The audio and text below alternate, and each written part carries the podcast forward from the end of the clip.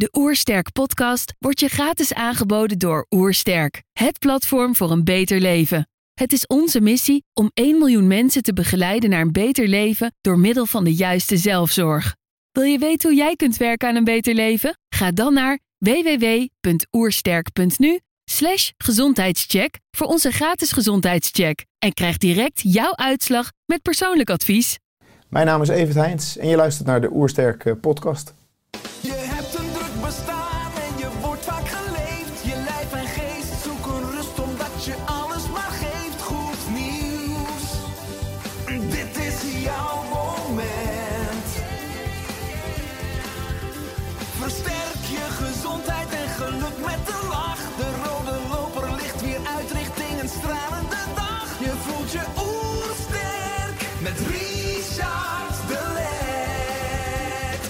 Zijn hier in Heemskerk voor een podcast met Evert Heijns.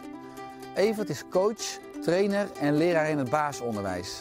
Hij heeft het vitaliteitsmodel de piramide van inzicht ontwikkeld. Evert is auteur van het boek Een leven lang flow. Ik ben benieuwd naar zijn tips voor een beter leven. Trouwens, geniet je van onze podcast? Laat dan een reactie of review achter. Zo help je ons om het gezondheidsvirus te verspreiden. Let's start. De Oersterk Podcast. Een ontdekkingstocht naar een beter leven. Evert, welkom. Ja, dank je. Op je homepage staat Inside Adventure. Inspireert en vitaliseert. Waarbij de innerlijke mens centraal staat. Wat bedoel je hier precies mee?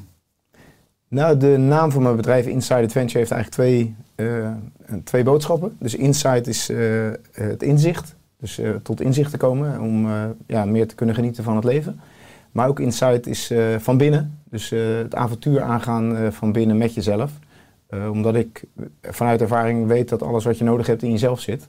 En we vaak juist buiten ons kijken om geluk te, te ervaren. Terwijl juist de, de oorzaak of de verantwoordelijkheid in onszelf ligt. En als je die verbinding weet te maken, dan, ja, dan, dan kun je een gelukkig mens worden, zeg maar. Ja, mooi dat je zegt dat alle antwoorden in jezelf zitten. Hè? Als we het ook hebben over het woord inzicht. Hè? Centraal in jouw aanpak staat namelijk piramide van inzicht. Ja, ook dat. Wat houdt dit precies in, deze piramide? Nou ja, de piramide van inzicht is natuurlijk een model wat eh, echt teruggaat naar de basis. Eh, misschien wel leuk om eventjes erbij eh, te pakken. Voor de kijkers, ja. Ja, voor de kijkers en voor de beeldvorming. Want de basis is, ik ben 100% verantwoordelijk voor mijn eigen ervaringen. Dus niet zozeer wat ik meemaak in het leven, maar wel ehm, hoe ga ik om met mijn ervaringen. En dan kun je, je kan natuurlijk zeggen van ja, het overkomt mij weer als je een probleem hebt en waarom ik. Dan zit je eigenlijk in de slachtofferrol. Dat is een fixed mindset, weet je, vanuit de psychologie. Eh, maar je kan ook denken van hé, hey, eh, wat kan ik hiervan leren, Eh, ehm, wat kan ik hiermee? En dat je echt vanuit oplossingen gaat denken, denken in mogelijkheden. Ehm, en die basis is dus, als je het hebt over ervaringen, dan praat ik over stress of emoties of gedachten. En dat je daar op een functionele manier mee leert omgaan. Ehm, de bovenkant van de piramide is oordeelvrije aandacht. Dus eigenlijk is de verbinding vanuit oordeelvrije aandacht leren kijken naar je eigen ervaringen. Eh, dus de houding het is zoals het is. Zonder dat je iets als goed of slecht eh etiketteert. En dat is natuurlijk wel een uitdaging, want we zijn heel erg gewend om eh, iets te vinden van iets. of in het verzet te gaan tegen een, als het een negatief gevoel is bijvoorbeeld. Als het een boosheid is of wat dan ook. Ehm, maar juist door er vanuit onbevangenheid, openheid naar te kijken. En te beseffen van hé, hey, ik voel boosheid, maar ik ben niet de boosheid. Eh, het is zoals het is. Zul je merken dat je, dat je hem juist los gaat laten en dat je tot, een, tot je innerlijke kern komt.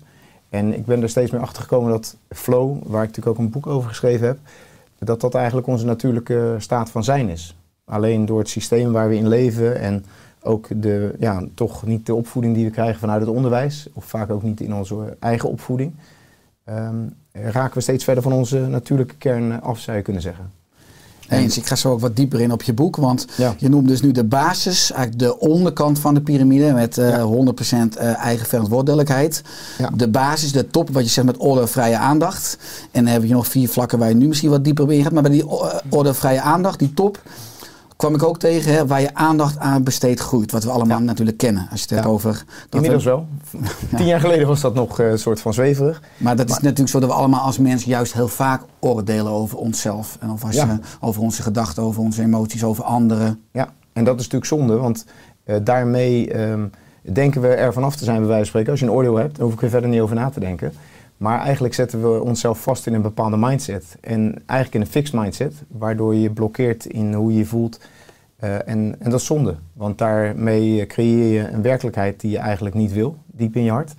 Terwijl als je echt vanuit die openheid, die onbevangenheid naar jezelf leert kijken, maar ook naar anderen, dan gaat de energie ook veranderen, waardoor mensen, dan krijg je een interactie, krijg je een verbinding en dan gaan dingen stromen. En dan, dan ontstaan er dingen waarvan je die je niet eens voor mogelijk had kunnen houden. Uh, maar puur omdat je vanuit eigenlijk uit je hoofd gaat en je verbindt je met je hart, zou je kunnen zeggen. En op die manier uh, ja, kom je ook in die natuurlijke stroom. Ja, wat ik kan me voorstellen als je het hebt over een fixed mindset. Dus dat je gefixeerd bent op het niveau van bepaalde overtuigingen, of hoe je in het leven staat. Dat je eigenlijk de deur in het slot gooit. Terwijl juist met een groeimindset dat je de deur opent, hè, dat je zou kunnen veranderen. Omdat bij fixed mindset hoor je mensen natuurlijk heel vaak zeggen van dat is nou helemaal zo. Ja. Het zal nooit beter worden. Je moet er maar mee leren leven. Hoewel natuurlijk, dat is interessant natuurlijk in hoeverre alles natuurlijk dan veranderbaar is. Nee, natuurlijk. Maar een fixed mindset, dat gaat wel over... Je zet jezelf vast in een beperkende overtuiging eigenlijk. En dat is wel uit onderzoek gebleken ook van die professor... Uh, hoe heet zij? Dweck. Dweck. Uh, Carol Dweck, ja. ja. Dat, ze, dat zij zegt van, joh, um, beide is mogelijk. Maar het is uiteindelijk wel een keuze in welke mindset je gaat zitten. En dat is natuurlijk leuk, want... Um, de, daarom zeg ik ook, het is niet zo de basis dat je uh, voor alles verantwoordelijk bent voor wat er gebeurt in je leven. Mm -hmm. Ik denk dat als je het grofweg zegt, 50% heb je invloed op, op je eigen werkelijkheid. En 50% is, uh, ja, noem het karma, uh, wat op je pad komt. Maar waar je wel dingen van te leren hebt. En hoe eerder je je openstelt om te leren van wat er op je pad komt, hoe eerder je het ook gaat leren en hoe leuker het leven ook wordt. Hoe meer het een avontuur wordt. En vandaar ook adventure. Uh, want als je je vastzet in die fixed mindset, dan kom je in een soort survival modus. En dan ben je aan het overleven en het kost je energie. En ja, daar wordt, wordt niemand blij van. Word Ja. zelf niet blij van, maar een ander ook niet. Eens. Nou, tot zover dus de bodem en de basis van de piramide. Ja. Ik onderbrak je namelijk, je wilde waarschijnlijk naar een van de vier kanten toe. Ja, nou ja, en de andere kant van dat vlaggetje is natuurlijk het vlaggetje op de top van de berg. Is ook wel altijd wel weer leuk symboliek. eh, is dat je steeds meer innerlijke vrijheid gaat ervaren. En ehm, vanuit eh, dus die oordeelvrije aandacht kun je bezig zijn met ademhaling, eh, voeding, beweging en mindset. Dus het is een compleet pakket wat eigenlijk de focus heeft. Hoe kan ik mijn energie verhogen? Hoe kan ik eh, de flow, eigenlijk de natuurlijke flow in mijn leven weer eh, verwelkomen? En Ja. bewust worden. Ja, het zijn vier krachtige pijlers die je ook hebt hè, aan de zijkanten van de piramide. Je zegt ademhaling, en ik, ik lees ook terug, zowel op je website als in je boek, hè, dat de ademhaling de motor van vitaliteit is. Ja, ja en, en ook de verbinding met het nu, met het moment. Als je bewust ademhaalt, dan ben je ook verbonden met eh, nou, de energiestroom. Hè? Levensenergie eh, noemen we ook wel als je het hebt over eh, energie laten stromen in je lichaam. Ehm, en ademhaling is een onwijs krachtig instrument om je energie te verhogen. En vaak ademen we veel te snel, te oppervlakkig, ehm, waardoor we er niet uithalen wat mogelijk is. En ik ben zelf natuurlijk ook eh, enthousiast sporter. In de bergen klim ik. Afgelopen zomer natuurlijk ook een trailrun gedaan in Zwitserland van 111 kilometer. En dan ben ik 33 uur eh, bezig geweest eh, achter elkaar. Zonder slaap. Ja. Ja, en ehm, ja, dan merk je dat als je vermoeid raakt en je kunt weer bewust die neusademhaling, daar ben ik heel erg op gefocust. Als je die weer heel goed eh, oppakt, dan kun je weer opladen en de goede energie krijgen. En ja, dat is fantastisch. En dat is gratis, hè? Ja, inderdaad.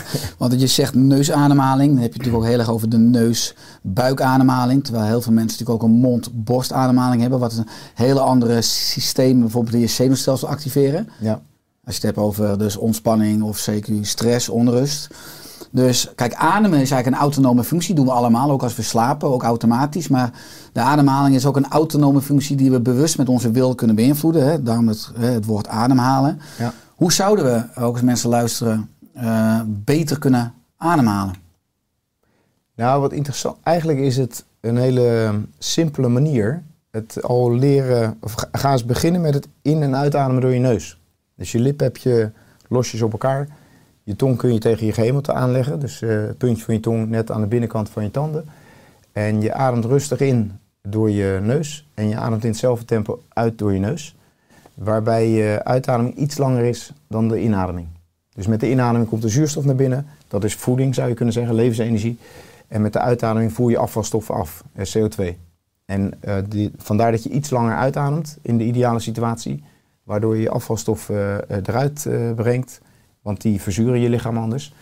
En nou ja, die, die zuurstof die naar binnen komt bij de inademing, dat is natuurlijk voeding. En, en doordat je in en uitademt door je neus, krijg je een optimale kooldioxideverhouding. Wat dus ook met sporten, eh, ik heb mezelf aangeleerd om echt op neusademhaling hard te lopen. Betekent wel dat je tempo iets minder snel gaat. Maar dan zit je op 60, 70 procent van je vermogen. En dan eh, zit je ook op vetverbranding in plaats van dat je op suikerverbranding zit. Nou, daar ben je denk ik ook voorstander van. Eh, dat je eigenlijk vet aan het verbranden bent en dus ook niet zo'n behoefte hebt aan suikers. En dus ook veel, nou, qua energieniveau veel lekkerder in je vel gaat zitten. Ja. Het omslagpunt als het ware, wat je hebt van vetten naar suikers, dan blijf je iets. Je blijft eigenlijk op de duurzame brandstof, op vetten, Ja. blijf je lopen, letterlijk. Ja. Ja. Eh, naast ademhaling noem je voeding. Nou, je hebt bij voeding een aantal eigenlijk Ja. belangrijke principes staan op de, op de piramide. Ik zie biologisch staan. 20 keer goed Kauwen. Ja. Wat heel veel mensen natuurlijk niet doen. Hè. Die eten veel te snel, eigenlijk ook veel te grote brokken. Voldoende water. Maar wat ik interessant vind bij het kopje voeding staat ook vooral minder media, maar ook vooral minder social Ja, media. ja, anders, dat is ook voeding hè, eigenlijk. Dus als je het hebt over, eh, tegenwoordig helemaal, er is natuurlijk zoveel informatie mogelijk waar we eh, ja, op kunnen kijken. En dat is eigenlijk ook een soort verslaving geworden. Dus die smartphone is, is natuurlijk een eh, heel mooi middel waar je heel veel mee kan zien en, enzovoort. Maar ook een, eh, eigenlijk een vervuilen van de geest, wel. Eh, Tenminste, afhankelijk hoe je ermee omgaat. En ik denk dat het heel gezond is dat je bijvoorbeeld zegt van... Nou, ik, ga één keer in het uur bijvoorbeeld op mijn telefoon kijken... in plaats van iedere keer dat ik een berichtje binnenkrijg. En dat je ook je signalen bijvoorbeeld uitzet van je telefoon. Omdat je anders de, onbewust steeds een signaaltje krijgt van... hé, hey, oh, er is weer wat binnengekomen. En dat, ook al ga je niet kijken, is het wel eh, onrust wat je onbewust creëert. Of stress. En, ehm, en dan gaat het er ook nog om van wat, wat voor informatie kijk je naar. Want ik denk op de reguliere media dat heel veel informatie ehm, ja, meer ballast is dan dat het iets toevoegt, eh, zeg maar. En dat is natuurlijk altijd de vraag, is het ook waar? Klopt het? Ja, dus alle informatie die binnenkomt, ook via media, via schermpjes, moet je ook letterlijk verteren. Hè? Als je het hebt over, Ja. over voeding, maar ook mentaal Ja. of emotioneel. Eh, het is interessant dat ze daar in het oosten natuurlijk al eh, verder in zijn, zou je binnen, eh, bij- bijna kunnen zeggen, qua wijsheid. Maar ook als je het hebt over de Ayurveda, er is ook een visie over bijvoorbeeld als je het combineert. Als je eet, hè, of je in een rustige ruimte zit of eet, of met mensen eet van wie je houdt, of als je achter de iPad of achter de televisie, zeg maar onbewust aan het eten bent terwijl je naar een schermpje kijkt. Is, Ja. is dat ook dan dit Nou ja, dat aspect wat terugkomt? Ja, zeker. Want als je het hebt over aandacht, eh, wat mij betreft, als je iets doet, doe je het echt met aandacht. En dan ben je aan het eten. En dan is het ook, je bent met elkaar vaak aan het eten, althans. Eh, dat is wel een mooi, een mooi eh, sociaal moment ook, denk ik. En ja, bij ons thuis is het ook zo dat de telefoon die ligt gewoon ergens anders. En niet aan tafel. Want ik denk ook het verteringsproces, als je echt met aandacht aan het eten bent, dan ben je aan het genieten van het eten wat je eet. En ook van het samen zijn met elkaar. En een, een telefoon is dan alleen maar afleiding. En ik denk dat dat voor heel veel dingen geldt, dat eh, de informatie op een telefoon, dat dat ook heel veel afleiding is. En dat je dat juist eerder omlaag trekt in energie, dan dat het je energie geeft. En, maar dat ver- vergt wel eh, ook een stuk discipline natuurlijk. Mhm. Nou, het is interessant als je dat doortrekt dat heel veel mensen natuurlijk ook spijsverteringsproblemen hebben. Dat heel veel oorzaken kan komen. Want één aspect wat meespeelt is van eh, ben je wel echt aanwezig? Eet je echt met aandacht? En als je met aandacht eet, dan wordt natuurlijk van je speeksel tot je spijsverteringsenzymen tot je maagsappen, wordt alles ook veel beter aangemaakt. Dus die Ja. feedbacksystemen die werken dan gewoon veel beter. Ja. En, en dan kom je weer bij die natuurwet eigenlijk, waar je aandacht aan besteedt goed. Dus dat, dat, dat als je echt aan het eten bent, dat dat etensproces ook veel beter functioneert. eh, dus. Ja. Ja. Ja. Ja, gaaf. Derde kant van de piramide is mindset. Hè, zie ik ontstreepje moeten. Ja. En Het gaat bij jou ook heel erg, waar ik je altijd over hoor, over wil je geluk of wil je gelijk? Ja, nee, ontmoeten is natuurlijk, aan de ene kant ontmoet je zelf en ontmoet elkaar. Dus echt om eh, eh, die, die natuurlijke verbinding te krijgen. Eh, want ik denk dat dat ook wel de basis is. Dat we op een natuurlijke manier met elkaar om kunnen gaan. Niet voor niks heet het bijvoorbeeld een samenleving. Weet je wel? Samenleven, we zijn sociale mensen, sociale dieren. Maar ontmoeten gaat dus ook over eh, het, het moeten. Wat moet je van jezelf? En dat kan zelfs zo sterk eh, een gevoel zijn van moeten, dat, je, dat het een soort jezelf blokkeert eh, om dingen te doen. Mhm. En als je daar te veel in vast gaat zitten, dan, dan is dat zonde. Weet je? Dan krijg je die fixed mindset. Terwijl dat moeten kun je ook veranderen in taalgebruik of in denken. met kunnen, willen, mogen of gaan. Dus in plaats van ik moet nog mijn werk afmaken, kun je ook zeggen ik ga mijn werk afmaken. Of eh, nou, ja, ik wil mijn werk afmaken. Net wat goed voelt voor jou natuurlijk. Maar het geeft een andere lading.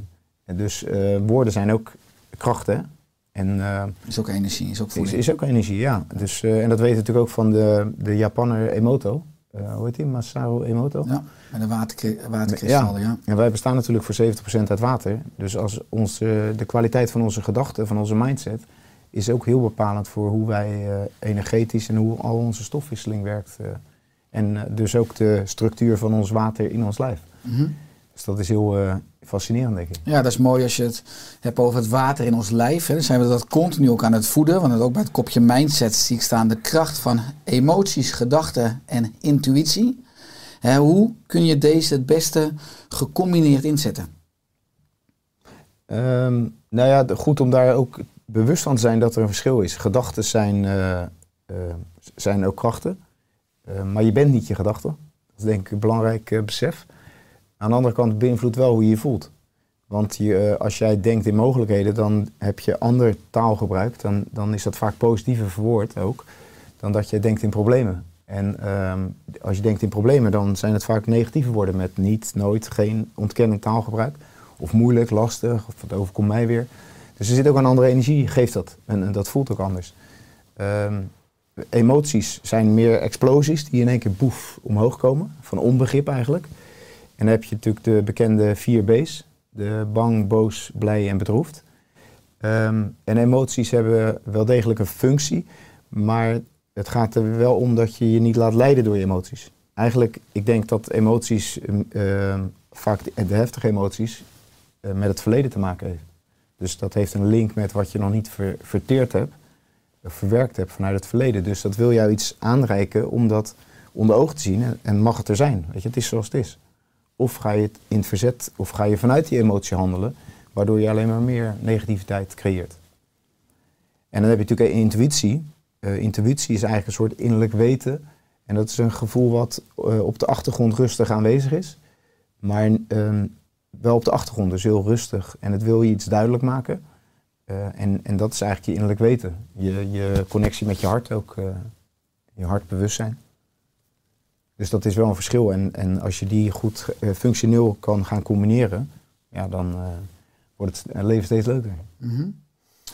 Ja, die eh, intuïtie is natuurlijk misschien ook een stemmetje dat niet schreeuwt, hè, wat je ook tegenkomt in de stilte. Nou, als we dan gelijk de brug maken naar het laatste vlak van de piramide, beweging. Ja. En daar staat ook sporten, maar ook vooral in de natuur zijn en ook dansen, zingen. Is dat iets, ook een, eh, een element wat we veel meer mogen toevoegen in het maatschappelijk leven of in het persoonlijk leven? Nou, ik denk wel, eh, ook in beweging komen natuurlijk, mentaal, maar ook fysiek. Is natuurlijk heel belangrijk. Je zegt tegenwoordig ook eh, langdurig zitten is eh, het nieuwe roken. Ja. Is niet gezond. Eh, dus je regelmatige beweging heb je sowieso nodig. En lekker naar buiten gaan, de natuur in. Eigenlijk, daar ligt onze, liggen onze roots, weet je, buiten in een natuurlijke omgeving. Terwijl we vaak juist achter een, een beeldscherm zitten bijvoorbeeld, wat niet natuurlijk is. Wat, wat ons juist wegtrekt van, van de basis. En eh, ik denk dat bewegen ook voor je spijsvertering en voor je, heel je stofwisseling heel belangrijk is. Het afvoeren van afvalstoffen. En, eh, maar het gaat altijd weer om balans. Hè? Te veel bewegen eh, kun je ook vraagtekens bijstellen. Maar ehm, ja, dat is wel belangrijk. En dansen is natuurlijk ook iets wat veel mensen gek vinden soms. Terwijl ja, lekker dansen en vrij, je vrij uiten, dat doet ook veel. Met, met jezelf en met plezier hebben met elkaar. Dat is ook een vorm van eh, verbinding natuurlijk. Nou, kinderen zien het nog heel speels, maar ook vooral heel veel dansen. Eigenlijk nog heel weinig rekening houden of denken wat vindt de, de, de ander van mij of de omgeving van mij. Misschien worden we als volwassenen daar steeds bewuster van en Ja. dat we nou ja, een beetje in het keurslijf komen. Eh, daarom is het goed om dat ook open te breken, om dat avontuur aan te gaan. Eigenlijk ook de Ja. basis van je bedrijfsactiviteiten. Nou, je hebt zelf jarenlang ervaring met outdoor sporten, bergklimmen, zeilen, eh, skiën, hardlopen, mountainbiken. Hè, wat hebben deze sporten jou gebracht? Nou, sowieso veel plezier. Dus eh, gewoon, ik vind het heel erg leuk om eh, avontuurlijk te sporten. Dus eh, wel buiten met de elementen. Maar ik heb ook heel veel van eh, geleerd. En ehm, het is niet altijd vlekkeloos eh, verlopen. Maar eh, ja, door fysiek eh, bezig te zijn en ook het avontuur aan te gaan, ook met bergbeklimmen bijvoorbeeld, dan word je ook uitgedaagd om te leren luisteren naar je intuïtie. En eh, ik heb ook wel eens, eh, ik, nou, je, je weet denk ik wel dat ik eh, in die 15 meter in een gletsjerspleet ben gevallen destijds. 2002, Ja, zo. bergklimmen, hè, viel je in een gletsjerspleet. Ja, En hè, je had geluk dat je het overleefde, hè, want je kon geen fout maken ook weer bij het klimmen uit die spleet, ja. wat twee uur duurde. Nou, misschien is het goed om daar even wat meer over toe te lichten, want dat is misschien wel een kernervaring, natuurlijk een omslagpunt Ja. geweest in jouw leven. Ja, absoluut. Ehm, nou ja, ik was alleen op pad. Daar, daar kun je je vraagtekens bij zetten. Maar ja, er zijn ook ehm, hele professionele klimmers die veel alleen klimmen. Dus weet je, daar, kun je, daar kunnen we een eh, gesprek over voeren. Maar dat eh Maar je terzijde. was in die bergen met een vriend eigenlijk en je ging eigenlijk al in je eentje even op onderzoek uit. Nou, ik was aan het wachten op een vriend van mij. En we zouden samen eh, vijf dagen later een, wilden we een bepaalde berg beklimmen, de Lensspitze. Met een noordwand van eh 500 meter lang. Dus dat is een, eh, eigenlijk een sneeuwwand. En die is ongeveer 45 graden stijl. En die kun je ook afskiën. Dus we hadden zoiets van, joh, dan gaan we beklimmen. En dan bij goede condities eh, kunnen we hem afskiën. En dat, eh, dat leek ons een gave uitdaging. Dat is Maar een soort zwarte piste plus. Ja, wel plus plus. Ja, ja, plus, plus, goed, Dus je moet ook niet vallen, want 500 meter is een halve kilometer. En je kunt dat vergelijken met als je valt, dan maak je gewoon een snelheid van een vrije val. Dus dat is geen optie. Dus je moet wel heel goed ook in je, in je vel zitten, vertrouwen hebben wat je doet en, en weten wat je doet. Maar ik dacht, ik ga alvast op verkenning uit. Als ik 100 meter die wand inklim, dan eh, kan ik in ieder geval een eerste ervaring opdoen, kijken of de condities goed zijn. Maar voordat je die wand ingaat, eh, moet je een soort eh, spleet overklimmen. En dat noemen ze een randspleet, omdat de gletsjer die beweegt langzaam voort en die noordwand die blijft op zijnzelfde plek zitten. Ehm, en nou ja, ik was daar s ochtends vroeg aangekomen, om drie uur s'nachts was ik op pad gegaan. Omdat je dan relatief veilig over een gletsjer heen kan. Dan is het nog bevroren allemaal. En ik sta daar met twee ijsbijlen in mijn handen, stijgijs zonder mijn skischoenen. Eh, en ik wil over die spleet heen klimmen. En ineens klapt de grond onder mijn voeten weg. Eh, en val ik dus de diepte in. Achteraf bleek dat ik op een, eh, een overhangende sneeuw eh, luifel hing. Maar dat zie je vanaf boven niet. Maar ja, ik ervoer het wel.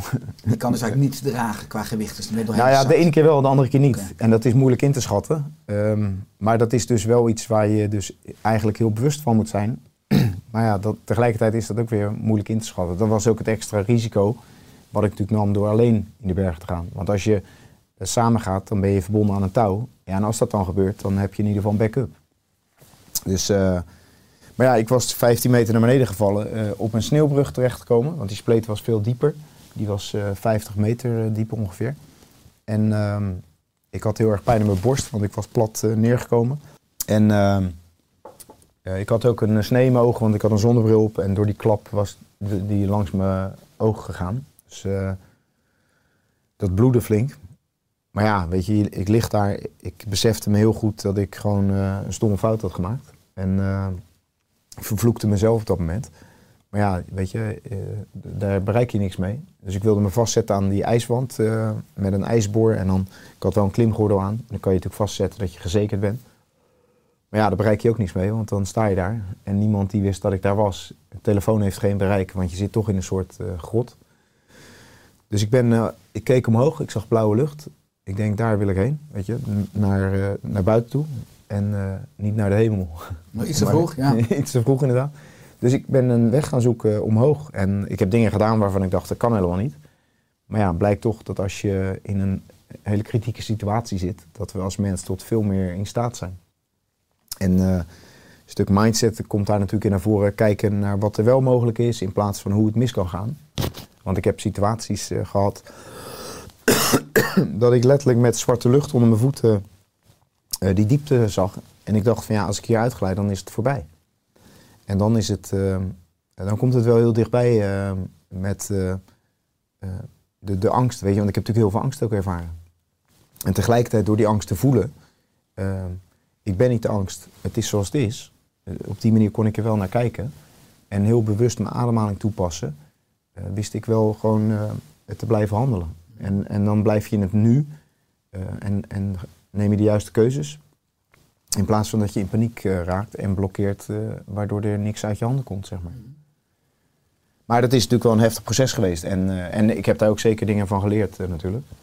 Ja, het is een, eh, een extreme ervaring die je beschrijft, waarin je dus eh, met die outdoor activiteiten gelijk eigenlijk de kennis uit die piramide van inzicht kon integreren. ja. Dat is wat je nu ook doet met je activiteiten hè, met deelnemers.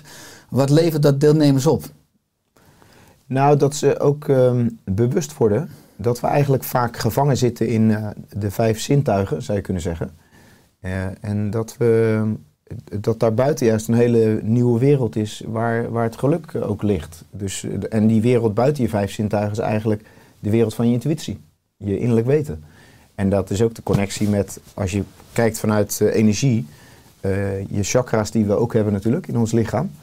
Eh, dat is de connectie energetisch gezien met je hart. Weet je, daar ligt de verbinding tussen lichaam, geest en ziel. Ik denk dat dat heel belangrijk is. En die ziel, die, die missen we vaak. Weet je, dat we dat bewustzijn niet meer hebben. En dan zitten we vast in onze, in ons fysieke lichaam en in ons denken, waar we dan niet functioneel mee omgaan ook nog. Eh, en dan blijf je eigenlijk in een soort eh, negatieve cirkel eh, hangen. Terwijl door de cursussen die ik geef, of de trainingen of één op één coaching, ehm, maak ik mensen bewust van ja, ja, ten eerste leer functioneel omgaan met je gedachten, emoties. ehm, en, en ook je, je fysieke lichaam. Dat je ook leren luisteren naar je lichaam. Want klachten die je hebt, die hebben vaak ook een, een link met het verleden wat er gebeurd is. Of kan met voeding natuurlijk ook te maken hebben. Maar ook een stuk mindset. En eh, daarnaast leer steeds meer vertrouwen, maar ook open eh, te staan dat je intuïtie hebt. En dat dat je iets duidelijk wil maken. En dat dat eigenlijk je innerlijke wijsheid is, je eigen je, kompas eh, zou je kunnen zeggen.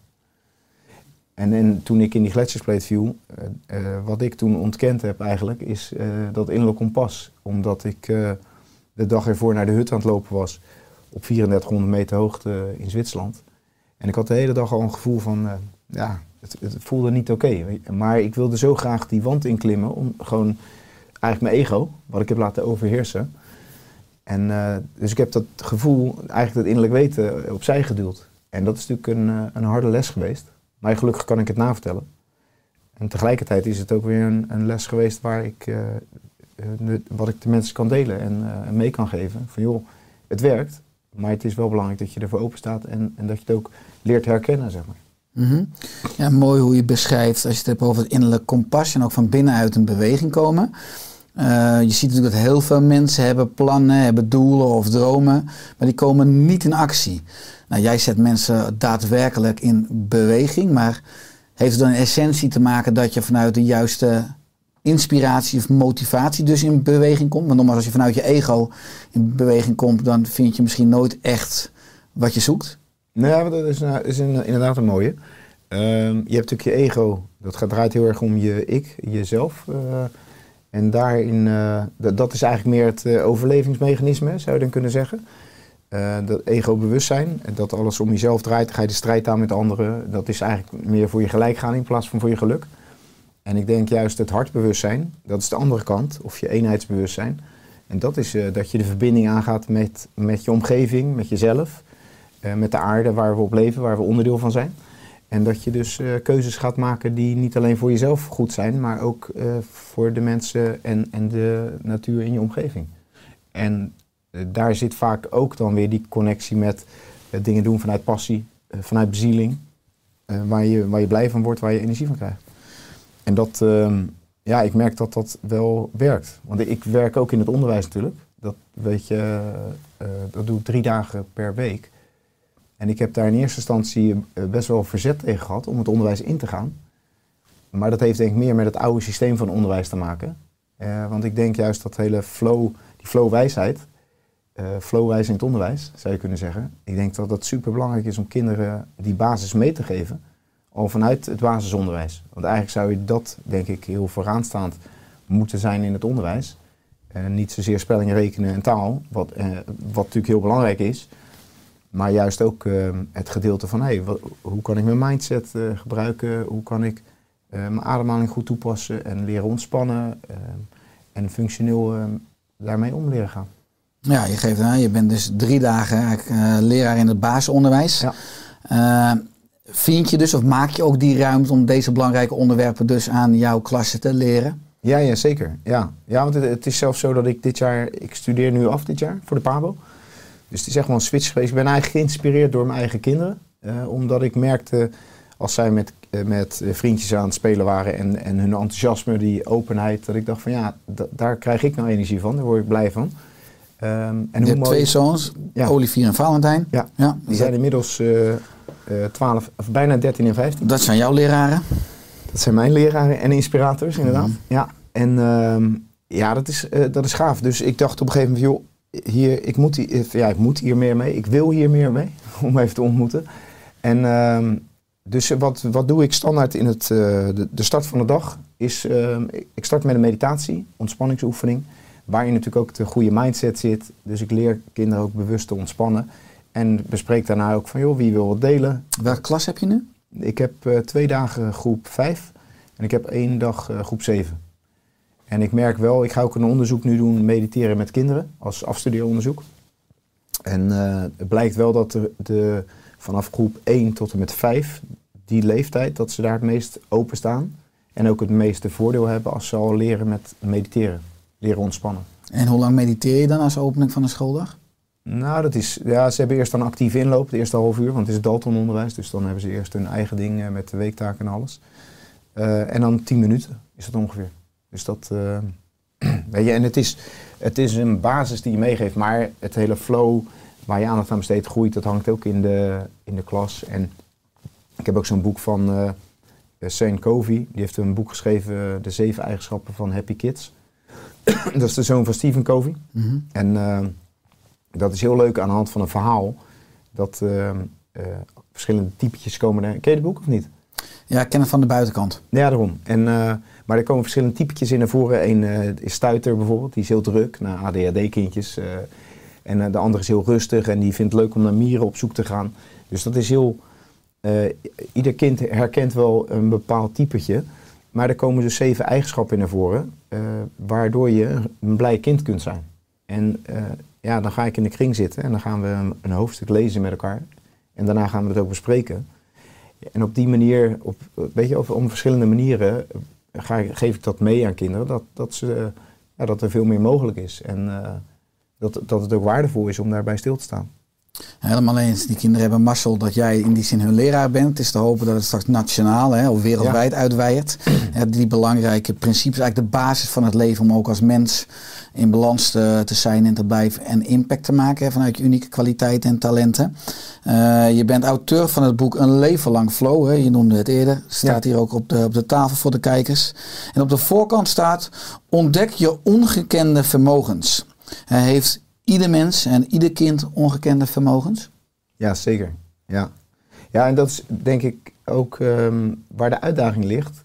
Hoe eerder je natuurlijk eh, bewust wordt van je ongekende vermogens. Dus eh, wat ik zei net, hè, die gevangenis van je vijf zintuigen. Hoe eerder je al contact legt met je intuïtie. Of eigenlijk doe je dat als, als kind al in de basis.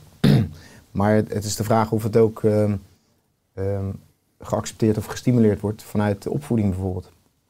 De eerste drie jaar van het leven van een kind is natuurlijk al eh, eh, heel bepalend wat je dan al meekrijgt. En ehm, hoe liefdevol word je opgevoed. Ehm, hoe, hoe onvoorwaardelijk, eh, wat is de basis daarin? En ehm, eh, dat, ja, je ongekende vermogens liggen juist buiten die, die vijf zintuigen, wat ik net al noemde, met, met je intuïtie. En hoe je dat concreter toe kan passen. En dat gaat dus ook over, kun je echt vanuit openheid naar jezelf toe kijken? Eh, mag, hou je ook van jezelf? Weet je, hou ervan. Eh, je kunt pas echt van iemand anders houden als je ook echt van jezelf houdt. En zelfkritiek is natuurlijk een hele belangrijke ondermijner. Eh, en dat heeft natuurlijk ook weer met oordelen te maken. Dus als je vaak oordeelt tegen jezelf, maar ook tegen anderen, dan, dan blokkeer je juist dat de flow er is. Dus dat, en ja, ik vind het mooi om kinderen daar ook in bewust van te maken. Wat er dus gebeurt als ze bepaald taalgebruik gebruiken naar zichzelf toe, maar ook naar anderen. En eh, dat zijn, eh, dat, ja, je kunt het ook noemen karma. Weet je, wat je geeft, krijg je terug. Wat je zaait, zul je oogsten. Ehm, en hoe eerder je dat al mee kan geven, ja, dan heb je natuurlijk ook nog de ouders waar je mee te maken hebt. Ehm, maar ik, ik vind dat wel boeiend juist om ook die ehm, gouden driehoek noem ik dat dan. Dus de ouders, school en het kind. eh, om dat ook aan te gaan. En eh, het gesprek te openen. Joh, samen zijn we een team. En eh, mijn doel is om eh, dat uw kind gelukkig is. Eh, maar hoe kunnen we dat bereiken met elkaar? En dan betrek je de ouders erbij, maar ook het kind. en als school, nou ja, je bent zelf dan de leerkracht. Of eventueel de intern begeleider daar nog bij betrekken. Ja, mooi als je het hebt over die driehoek. Eigenlijk een soort energetisch systeem. Hè. Die energetische systemen heb je ook in organisaties, op werkvloeren. Je helpt organisaties ook om meer flow, hè, dat er meer flow komt. Eh, bijvoorbeeld bij burn-outs, hè, die komen steeds meer voor. Ja. Eh, ik las ook op je website dat een werknemer met een burn-out kost een, be- een bedrijf zo'n 45.000 euro hè, voor een half jaar dat ze gemiddeld niet werkzaam zijn. Nou, dat is natuurlijk eigenlijk de vraag, zijn er dan wel veel gezonde of vitale bedrijven met een laag ziekteverzuim en een hoog werkplezier? Juist die dingen hè, waar jij aan bijdraagt hè, om meer flow te krijgen. Wat zijn jouw ervaringen ook met jouw diensten in organisaties en als je het hebt over dus die vitaliteit in die culturen? Ja, ik denk dat je eh, tot voor kort was gezondheid natuurlijk eh, dat, dat er ja, niet zoveel openheid voor was om daar echt mee aan de slag te gaan. Ik denk mede door de corona nu dat eh, veel bedrijven ook veel bewuster zijn geworden hoe belangrijk het is dat eh, werknemers gezond zijn en dat ze lekker in hun vel zitten. Dus je krijgt nu veel meer de focus op eh, de preventieve kant. Het liefst voorkomen dat mensen ziek worden. In plaats van echt naar de, de, de zieke te kijken en, en daar pas mee aan de slag te gaan. Merk je ook dus dat bedrijven daar dus ineens daar meer geld of budgetten voor, voor vrijmaken? Dat een positieve eh bijkomstigheid van de coronacrisis dan is dat bedrijven ook nu veel meer proactief in actie komen? Nou ja, het, is natuurlijk een spanningsveld. Want aan de ene kant heeft de corona natuurlijk ook eh, eh, moeilijke dingen teweeggebracht voor bedrijven. Dat, maar je, je ziet wel ook binnen gemeenten bijvoorbeeld dat, dat daar inderdaad meer budget voor is. En, en ook veel meer focus op de preventieve kant dan de oplossende kant. Want als je het over burn-out hebt, ja, ik, burn-out echt daarmee aan de slag gaan, dat is meer één op één trajecten zijn dat. Eh, en preventief, eh, ik geef ook cursussen op het gebied van persoonlijk leiderschap en dat koppel ik aan flow. En dan, eh, dan praat je over een groep van acht tot tien mensen die zelf, zichzelf inschrijven. en dat werkt wel beter. Weet je, als mensen zelf willen, in plaats van dat de manager zegt, dit is een leuke training, eh, dan merk je dat het ook veel meer effectiviteit heeft. En ook, dan kom je toch weer bij mensen kiezen er zelf voor. En die, die hebben blijkbaar behoefte aan eh, inspiratie en eh, om eh, aan de slag te gaan. Ja. ja, het mooie is als je het hebt over, over je cursussen, dat ik in 2011 deelgenomen heb aan een cursus. Dat is precies 11 jaar geleden trouwens, Ja. toen ik Ja. persoonlijk in een spirituele crisis zat en ook bij jou aanklopte. Eh, Alweer elf jaar geleden, joh. Tijd vliegt, hè? Ja. Maar ik heb er toen al veel aan gehad, aan die inzichten. En ik zie continu ook dat jij die inzichten hè, combineert met vooral ook eh, activiteit in beweging zijn. Ook vooral buiten. Je noemde net al die trailrun hè, van 111 kilometer. eh, die je in eh, 32 uur en 45 minuten liep zonder te slapen. Eh, in 2018 liep je een trailrun van 78 kilometer, ook in de Zwitserse bergen. Om geld op te halen voor twee dakloze gezinnen uit Nepal. Eh, je liep toen ruim 17 uur in één stuk en haalde toen bijna 2000 euro op voor deze twee gezinnen uit Nepal. Ja. Hoe was dat ook? Eh, hoe was dat? Ja, nou niet per se het lopen, maar ook vooral om dat te kunnen doen voor eh, twee gezinnen in Nepal. Ja, nou dat, dat had natuurlijk weer een link met die aardbeving die eh, alweer een aantal jaar geleden in Nepal geweest is. En dat is dan ook wel weer een link met het eenheidsbewustzijn. Dat je het echt aan de ene kant, ik vind het gaaf om zo'n avontuur aan te gaan. Maar ook het idee dat dat echt voor een goed doel is. En ik wist ook dat het goed terecht kwam. Want Katja Staartjes is de persoon die als eerste vrouw, Nederlandse vrouw, op de top van de Mount Everest heeft eh, gestaan. En zij heeft heel veel eh, verbinding met Nepal, ook vanuit haar eh, klimverleden. En zij had daardoor is een, een, ja, wat is het, een goede doelactie op gaan zetten ehm, en geld gaan inzamelen. En ik, ik hoorde daarvan, dus ik dacht van nou, ik vind het gaaf om dat te koppelen. En ja, weet je, dat is bijzonder, omdat je dan echt vanuit die verbinding en vanuit dat hogere doel daarbij eh, bezig bent met het trainen naar zo'n trailrun toe. En vervolgens eh, ja, dan ook nog eh, een paar duizend euro ophaalt, eh, wat natuurlijk ook heel gaaf is. En, en, en ook echt goed besteed. Plus dat fijn is dat het ook 100% eh, daar terechtkom waar het eh, van toepassing is. Waar het nodig is.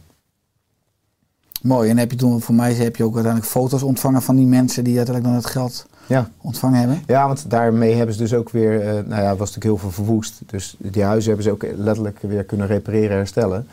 En 2000 euro heb je daar veel meer aan dan hier in Nederland. Dus eh, ja, dat is, eh, is te gek. Ja. Ja.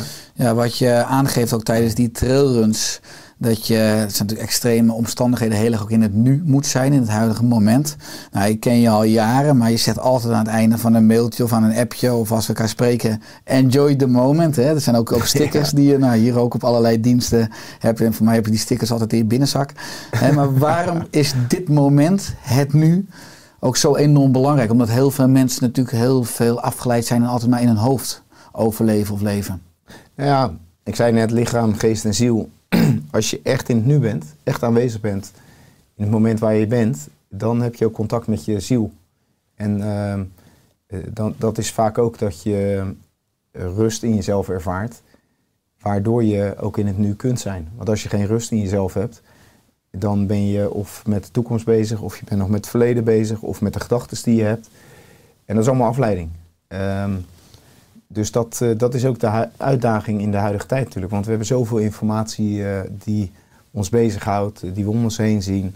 Eh, maar het mooie is dat je, je kunt dus door middel van leren mediteren, of die mi- mindset functioneel leren gebruiken, kun je dus steeds beter leren in, in het centrum te blijven staan, in het nu. En het nu is eigenlijk ja, waar je geluk vindt. Ehm, en in, dat is tegelijkertijd ook de connectie met je hart. Weet je, in je hart komt lichaam, geest en ziel samen, zou je kunnen zeggen. Eh, maar het is ook, doe je de dingen vanuit je hart. Doe je de dingen waar je hart letterlijk sneller van gaat kloppen, waar je blij van wordt. Wil niet zeggen dat alles leuk is wat op je pad komt, als je je hart volgt. Want soms kom je natuurlijk ook uitdagingen tegen. Als ik het heb over zo'n trailrun die ik dan van de zomer gedaan heb, eh, 3 en 4 juli, 111 kilometer hardlopen. Ja, daar heb ik ook wel eh, pijn in mijn voeten en eh, eh, pijn in mijn lichaam en vermoeidheid gehad. eh. dus daar zit ook een uitdaging, weet je. Maar dat, het, het heeft ook weer een hoger doel waar je dan mee bezig bent. Mhm. waardoor het ook echt een avontuur wordt. En ik er ook echt van kan genieten.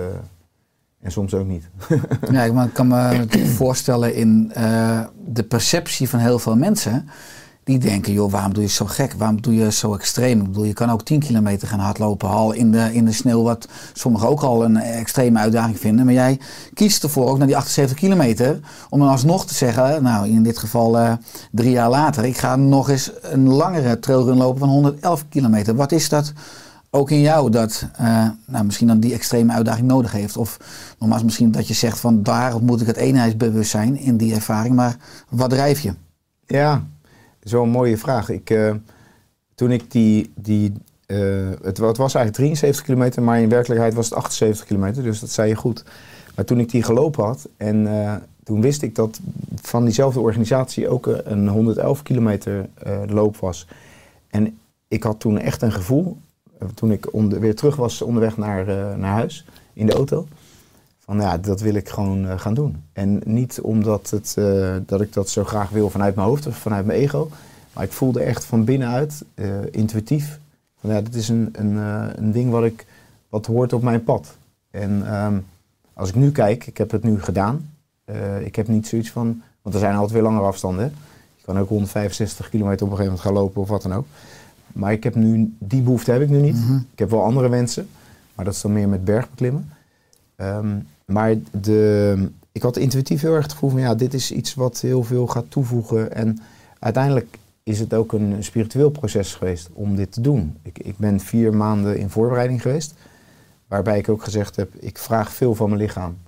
Eh, dus ik ga ook eh, geen geraffineerde suiker eten. Ik doe, ik doe geen alcohol eh, meer drinken die vier maanden. Ehm, geen vlees en geen vis. Dus ik had ook op Netflix zo'n eh, documentaire gezien. En jij, jij beschrijft dat natuurlijk ook in je boeken. Dat ehm, nou ja, dit soort voedingsstoffen ook, ehm, eh, hoe heet het? Eh, je, ja, je, je systeem veranderen. En ik, ik had ook eens gezien dat vegetarische topsporters veel betere bloedwaardes hadden dan mensen die vlees aten bijvoorbeeld. En ehm, ik vond het fascinerend. Dus ik denk, nou, dat ga ik uitproberen. En ik moet ook zeggen dat ik heel snel, ook tijdens de training, veel herstelde. Eh, dus dat is ook wel weer heel boeiend eh, geweest. Ja, dus het gaat dan ook vooral om het rode, om het bewerkte vlees, hè, wat, je, wat, hè, wat er vaak terugkomt in publicaties. Als je net benoemt wat je niet at en dronk, hè, maar wat at je vooral wel of wat ben je dan meer gaan eten? Nou, dus heel puur.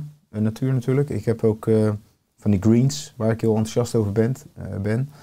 Ehm, de, van Alco Vité heb je bijvoorbeeld eh, eh, greens waar heel veel goede producten in zitten. Eh, ik heb ook wel gekeken, contact opgenomen met mijn supplementenleverancier om te kijken van wat, ik ga intensief trainen, wat, is, wat kan ik het beste gebruiken extra. Dus ik heb ook supplementen genomen, maar ook veel groente en fruit natuurlijk. Dus, en veel water drinken ook. En water drinken ook gefilterd water. Dus we hebben eigenlijk al jarenlang zo'n waterfilter, waardoor ook de, af- de, de minder goede stoffen eh, uit het eh, drinkwater eh, gefilterd worden. Ja, en ik, dat, dat zijn wel hele belangrijke dingen ook. dus, en goed slapen natuurlijk ook. Hè. Dus goed rusten. En ik heb niet extreem getraind. Ik trainde drie keer per week.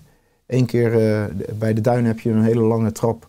Ehm, en als je dat een uur lang heen en weer loopt, nou, dat is een goede training voor je bovenbenen en voor je kuiten.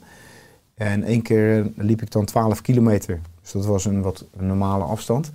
En op een gegeven moment liep ik de laatste maand ongeveer één keer in de week eh, vier uur achter elkaar. Maar dan wel door de duinen over het strand. Ging ik om vijf uur 's ochtends hardlopen. En dan was ik negen uur eh, weer thuis. En op die manier, en wel op, alles op neusademhaling. Dus eh, dat heb ik mezelf echt eigen gemaakt. Want dat is dan de focus om het goede tempo te bepalen.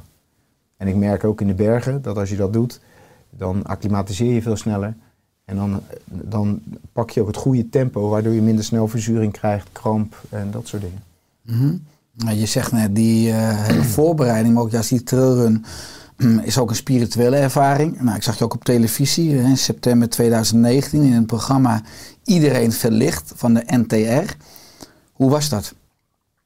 Die uitzending. Ja. Ik zag Ja. je ook om een klimwand hè, met, Ja. eh, met de presentator. Ja, is ook leuk, want dat doe ik natuurlijk ook met bedrijfstrainingen. Om eh, juist outdoor activiteit te combineren met de, de inhoud van de piramide van inzicht. Ja, dan is dat een metafoor, hè, hoe Ja. je jezelf in dit geval op die klimwand tegenkomt. Ja, want, want ehm, het is zo dat flow ontstaat, en dat heeft eh, professor Csikszentmihalyi in de jaren tachtig eh, ontdekt. Dat flow ontstaat in- eh, niet in, binnen je comfortzone, maar juist als je uit je comfortzone stapt, in je stretchzone. Dus dat is de, de, het gebied waar je gezonde mate van stress ervaart. Dus Mhm. op zich, eh, stress hoeft helemaal niet eh, negatief te zijn, als het maar niet eh, te veel stress is. Buiten die stretchzone heb je ook de paniekzone. En daar wil je wegblijven, omdat daar te veel stress zit en dan blokkeer je, raak je in paniek. Daar heb je zelf niks aan, maar een ander ook niet. Maar wat leuk is met die outdoor activiteit is dat mensen, je haalt ze, of tenminste, ik bereid ze ook voor natuurlijk, maar je haalt ze bewust uit hun comfortzone in hun stretchzone. En tegelijkertijd laat je ze ook, eh, geef je jezelf de verantwoordelijkheid om te ervaren van wat is voor mij de stretchzone, wat is voor mij comfortzone. Dus het gaat er niet om dat we de top van de berg bereiken, maar het gaat er wel om dat je voor jezelf de uitdaging aangegaan bent. En voor sommigen is dat als je drie meter hoog geklommen hebt, dat is al een enorme eh, stap, een overwinning. En voor de ander is het wel die top eh, willen bereiken, wat die presentator uiteindelijk ook lukte natuurlijk. Mhm. En dan kom je ook op het stuk mindset, ademhaling. en nou ja, dan, dan combineer je eigenlijk heel veel bij elkaar. Ja, want ik las ook dat je zegt flow kan alleen ontstaan als je uit je comfortzone stapt. En waarom blijven ook zoveel mensen, misschien een aangeboren iets, in een comfortzone hangen? Nou, is ook, ik denk ook een stukje angst, hè? Ik denk dat we ook wel in een cultuur leven waarin veel angst gedreven is. Als je luistert naar de mainstream media, wordt heel veel angst gezaaid. En eh, dus dat zit heel diep in, eh, in de mensen hun systeem. Van, oh, stel je voor dat ik iets anders doe dan dat, eh, dan, dan dat de grote massa dat doet. Dat daar ook wel eh, angst zit. En ook eh, angst voor het onbekende. Van, stel je voor dat ik iets nieuws ga doen. Ja, ik weet niet wat de uitkomst is of wat er tevoorschijn komt. Ehm, en tegelijkertijd is het hartstikke zonde, want je mist daardoor een enorm potentieel wat, naar je ongekende vermogens, die eigenlijk ligt te wachten om aangeboord te worden. En, en ga met me aan de slag.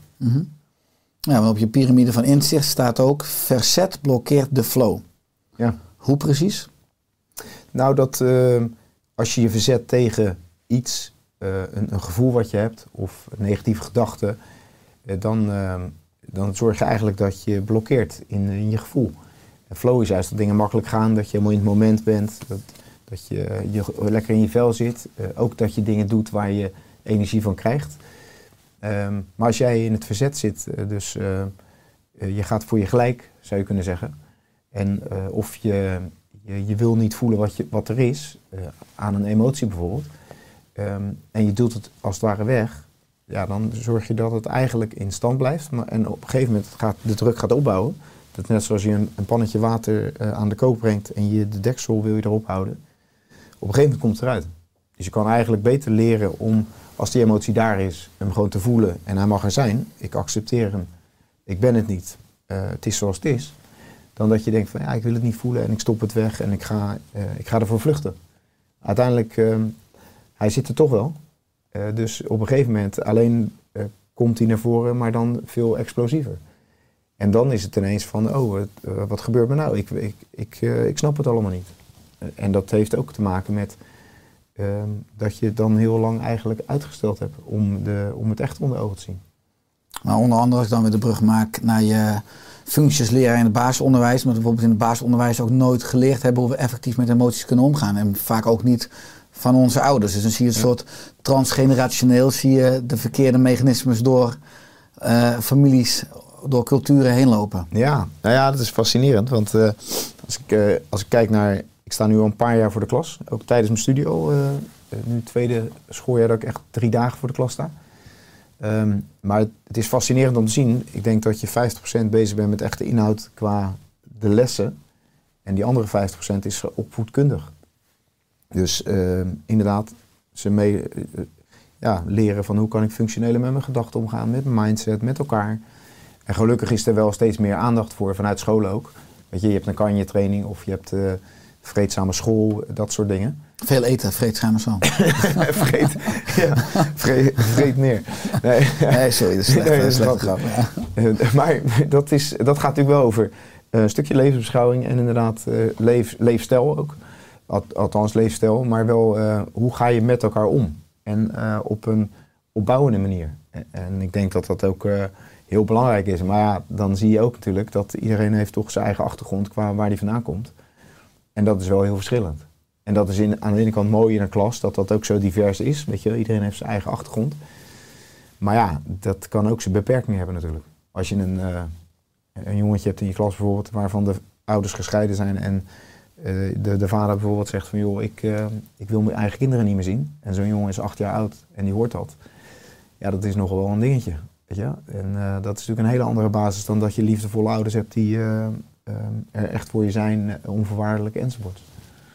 En daar heb je als leerkracht wel mee te maken. Zie je dat dan als uitdaging om het wel eh, daar goed bij aan te sluiten dan? Ik bedoel, je kan natuurlijk wel voor zo'n jongetje als het voorkomt in je klas natuurlijk extreem veel doen met je, Ja. eh, Ja. met al jouw wijsheid en, en al je tools. Nou, dat is natuurlijk heel waardevol dat, je- dat ik daar, ik kan toch een soort vaderfiguur zijn in, in, de, pers- ja, in de beperkte rol waar je in zit natuurlijk. Maar ik denk wel dat je het verschil kan maken. En ik, eh, ik weet zelf ook vanuit het verleden, ik heb bepaalde leerkrachten waar ik echt wel, die hebben mij geïnspireerd als kind. En eh, ook zeker op de lagere school. Dus weet je, wat dat betreft kun je wel het verschil maken. Exact, die herinner je je hele leven. Omdat, Ja. het- omdat die bepalend zijn geweest in je eigen on- ontwikkeling en rijping. Ja. Als je het hebt over jouw aanpak en jouw inbreng, wordt het ook gewaardeerd in het team waar je werkt op een school. Want ik kan me voorstellen als kinderen bij jou in groep 5 het hele jaar mediteren en dan ineens naar groep 6 gaan, dat dan misschien even wennen is als ze daar ineens niet mediteren. Of wordt dat soort dingetjes ook overgenomen binnen de school? Nou ja, dat is wel, ze noemen dat binnen het Dalton-onderwijs proeftuintjes. Dus eh, kijken of iets werkt of niet. En ik heb nu dan bijvoorbeeld voor, die, eh, voor mijn onderzoek mediteren met kinderen, gaan we voor een periode van een maand nu ehm, in groep 3, 4, 5 eh, daarmee aan de slag. En eh, dat betekent dat eh, de leerkrachten zelf dat gaan doen met de kinderen. Dus dat doe ik ook vanuit een bepaald boekje wat echt afgestemd is op bepaalde thema's, bepaalde leeftijden. Dus dan kan je het ook uitkiezen. En dan zet je een achtergrondmuziekje aan via digibord. En dan start je op die manier de dag. Ehm, en daar, daar is openheid voor. Eh, Vinden zo, eh, is ook wel zo van, ja, hoe doe ik dat dan? Dus daar is ook dat onderzoek voor om ze daarin te begeleiden. En kijken wat kinderen ervan vinden. Ehm, en afhankelijk hoe het ontvangen wordt, ja, dan, dan kunnen ze daarmee doorgaan. Eh, maar het is, ik, de- ik zou het hartstikke mooi vinden. En dat is ook wel de, het idee, als dat gedragen wordt, dat het een soort doorgaande leerlijn is. Als jij het vanaf groep 1 tot en met 5 al meekrijgt, nou ja, dan is het voor groep 6, 7, 8 veel makkelijker dan dat je in groep 6 ermee start. Weet je, want dan hebben ze zoiets van, ja, eh, dat is gek en eh, dat is toch wel een andere leeftijd. Precies, de fundering leg je al als het ware in Ja. de eerdere groepen, ja. Ja. Als je het hebt over al jouw rollen, eigen bedrijf, leerkracht, nou, je bent vader, je bent, je bent man, je bent partner. Eh, heb je een bepaalde optimale blauwdruk van een dag? Want ik hoor je natuurlijk van bewegen, outdoor activiteiten. Nou, ik hoor je over voeding, ik hoor je over mediteren. Maar heb je een soort, een soort routine, gewoontes gedurende een dag? Ja, nee, ik start, ik doe vijf keer per week doe ik de Tibetanen. Die, die, passen ook, of die vallen natuurlijk onder beweging. Eh, die staan er ook op. De vijf Tibetanen, ja. Vijf Tibetaanse vitaliteitsoefeningen. Ja, precies. Wou zeggen energetische bewegingsoefeningen zijn, maar jij Ja. drukt het mooier uit, vitaliteitsoefeningen. Ja. Ja, en ook... eh, Kan je nou, ook gewoon bij YouTube, hè, in, eh in, Ja, in toetsen, de vijf Tibetanen. Dan, ja. En als je mijn naam erbij zet, dan, dan doe ik ze voor. maar dat gaat... In Frankrijk, voor mij, in ja, in Frankrijk. Ja, klopt inderdaad. dat, En, eh, maar ze noemen dat ook wel de vijf verjongingsrituelen. Dus het eh, fysieke houdt het sterk, je, je blijft er soepel bij, maar je activeert ook je hele energiesysteem. En eh, dat is voor mij gewoon een hele prettige start van de dag, eh, wat me ook soepel en, en flexibel houdt. Ehm, dus dat vind ik eh, waardevol. Ja, en daarnaast, ik, doe, ik heb onlangs ook een cursus gedaan, Schumann-resonantie. Ik weet niet of je dat iets zegt. Ken het, ja? En ehm, dat vind ik ook wel heel fascinerend, omdat wij zijn natuurlijk zelf een, een levend wezen met een energiesysteem. Ehm, eh, noem het je aura met je chakra's. Maar de aarde heeft ook een energiesysteem. Eh, is ook een levend wezen eigenlijk. En ehm, bij die Schumann-resonantiecursus leer je dus af te stemmen op eh, de hartklop van de aarde, om het mooi te zeggen. Eh, waardoor je eigenlijk op de natuurlijke frequentie zit. En dat hangt heel mooi samen met flow weer. Dat dingen makkelijker gaan, dat dingen synchroon gaan vanuit synchroniciteit. Weet je dat? Moeiteloos. Moeiteloos inderdaad. En ehm, dus dat, eh, die oefening doe ik nu ook twee keer per dag. Eh, dat is eigenlijk sinds, sinds kort. Ehm, dus en, en mediteren, ik doe dat... En is eh, het een simpele oefening die mensen ook kunnen doen als ze luisteren of kijken? Of dan moet je echt wel meer kennis hebben van de, van de Nou, Schumann-resonantie. ik kan, hem, eh, ik kan hem wel uitleggen, maar het is eigenlijk het mooiste als je echt wel even de, de cursus duurt twee dagen. En daar leer je dus echt energetisch contact maken met het centrum van de aarde. Mhm. En ook dus vanuit je eerste chakra, je, je aarde, gronden zou je kunnen zeggen. Maar ook die energie door laten stromen door je vanuit beneden naar boven. En dan ook contact maken met eh, het universum. En het leuke is dat hij liet ook een afbeelding zien. En die blijkt dus uit eh, rond de 45 te zijn, uit die periode. En dan zie je een afbeelding van een mens met eh, de zeven chakra's. En dan een eh, vortex naar beneden toe de aarde in, van energie. En een vortex eh, naar boven toe, eh, richting eh, het universum. Eh, dus eigenlijk die verbinding met het universum, maar ook met de aarde. Eh, en dat was dus eh, biologie, leerstof van de universiteit in Nederland. Dus dat werd nog in een biologieboek afgebeeld. Rond 1945. Ja. ja. En dat hebben ze dus eh, eruit gehaald blijkbaar. Ehm, want ja, weet je, dat, dat is een interessante vraag. Waarom hebben ze dat gedaan? Want juist dat is denk ik essentieel voor je, je mens zijn, je ongekende vermogens ook. Dat je die verbinding leert maken. Weet je, leert verbinden met de aarde, maar ook met het universum. En waardoor je je energiesysteem gaat gebruiken. En, en daardoor eh, ook je intuïtie eh, veel optimaler gaat verlopen. En dan ben je echt geconnect, eh, zou je kunnen zeggen. Mooi, je was bezig met je optimale dagritme. Wat Ja, je eventjes, ja. Ja, we, we dwalen zo af. Nee, ik breng je altijd terug. Goed. In het nu. Ehm, maar dus wat, ehm, ja, wat nog meer. af en toe eventjes je, je momentje nemen. Enjoy the moment is natuurlijk ook soms even zeggen van joh, even vijf minuten. Ik pak even de rust van mijn ademhaling. Of ik ga even lekker buiten eh, in de natuur even eh, lopen. Want onderwijs is ook heel intensief bijvoorbeeld. Als ik drie dagen voor de klas sta, eh, je bent met die kinderen, dan sta je de hele tijd aan. Je, je, ja, die, die verbinding is daar. Dus als ik pauze heb, dan ga ik ook altijd even tien minuten naar buiten. Om gewoon eventjes lekker uit te waaien. En die, momenten zijn ook wel belangrijk dat je dat pakt voor jezelf. En of jij nou vijf minuten je neusademhaling gaat toepassen. Of dat je zegt, ik doe een ontspanningsoefening, meditatieoefening, eh, wat je fijn vindt. Of je gaat even lekker eh, even een stukje hardlopen. ja, ik noem maar wat. Dat maakt niet uit. Het gaat er wel om dat het voor jou in ieder geval fijn is. Dat het werkt. Van die microbreaks. Ja, Ja. ja, inderdaad. Maar je bent eh, heel snel geneigd om maar door te gaan. En dat, dat kost je uiteindelijk energie. Terwijl juist die vijf minuten tijd even tussendoor pakken, quality time, ja, heel, heel belangrijk. Mhm, Eens. Je geeft aan, je bent je opleiding nu aan het afronden in de eindfase. Wat is je missie of je droom voor aankomende jaren? Nou, ik ben aan de ene kant heel erg in overgave. Dus ik voel dat ik op het goede pad zit. Dus ik heb niet zo'n doel van over vijf jaar wil ik daar staan. Maar ik zie wel heel veel gebeuren in, dat gebeurt al, met mijn eh, flow eh, achtergrond binnen het onderwijs. Maar ik heb natuurlijk ook met ouders te maken, ook met leerkrachten.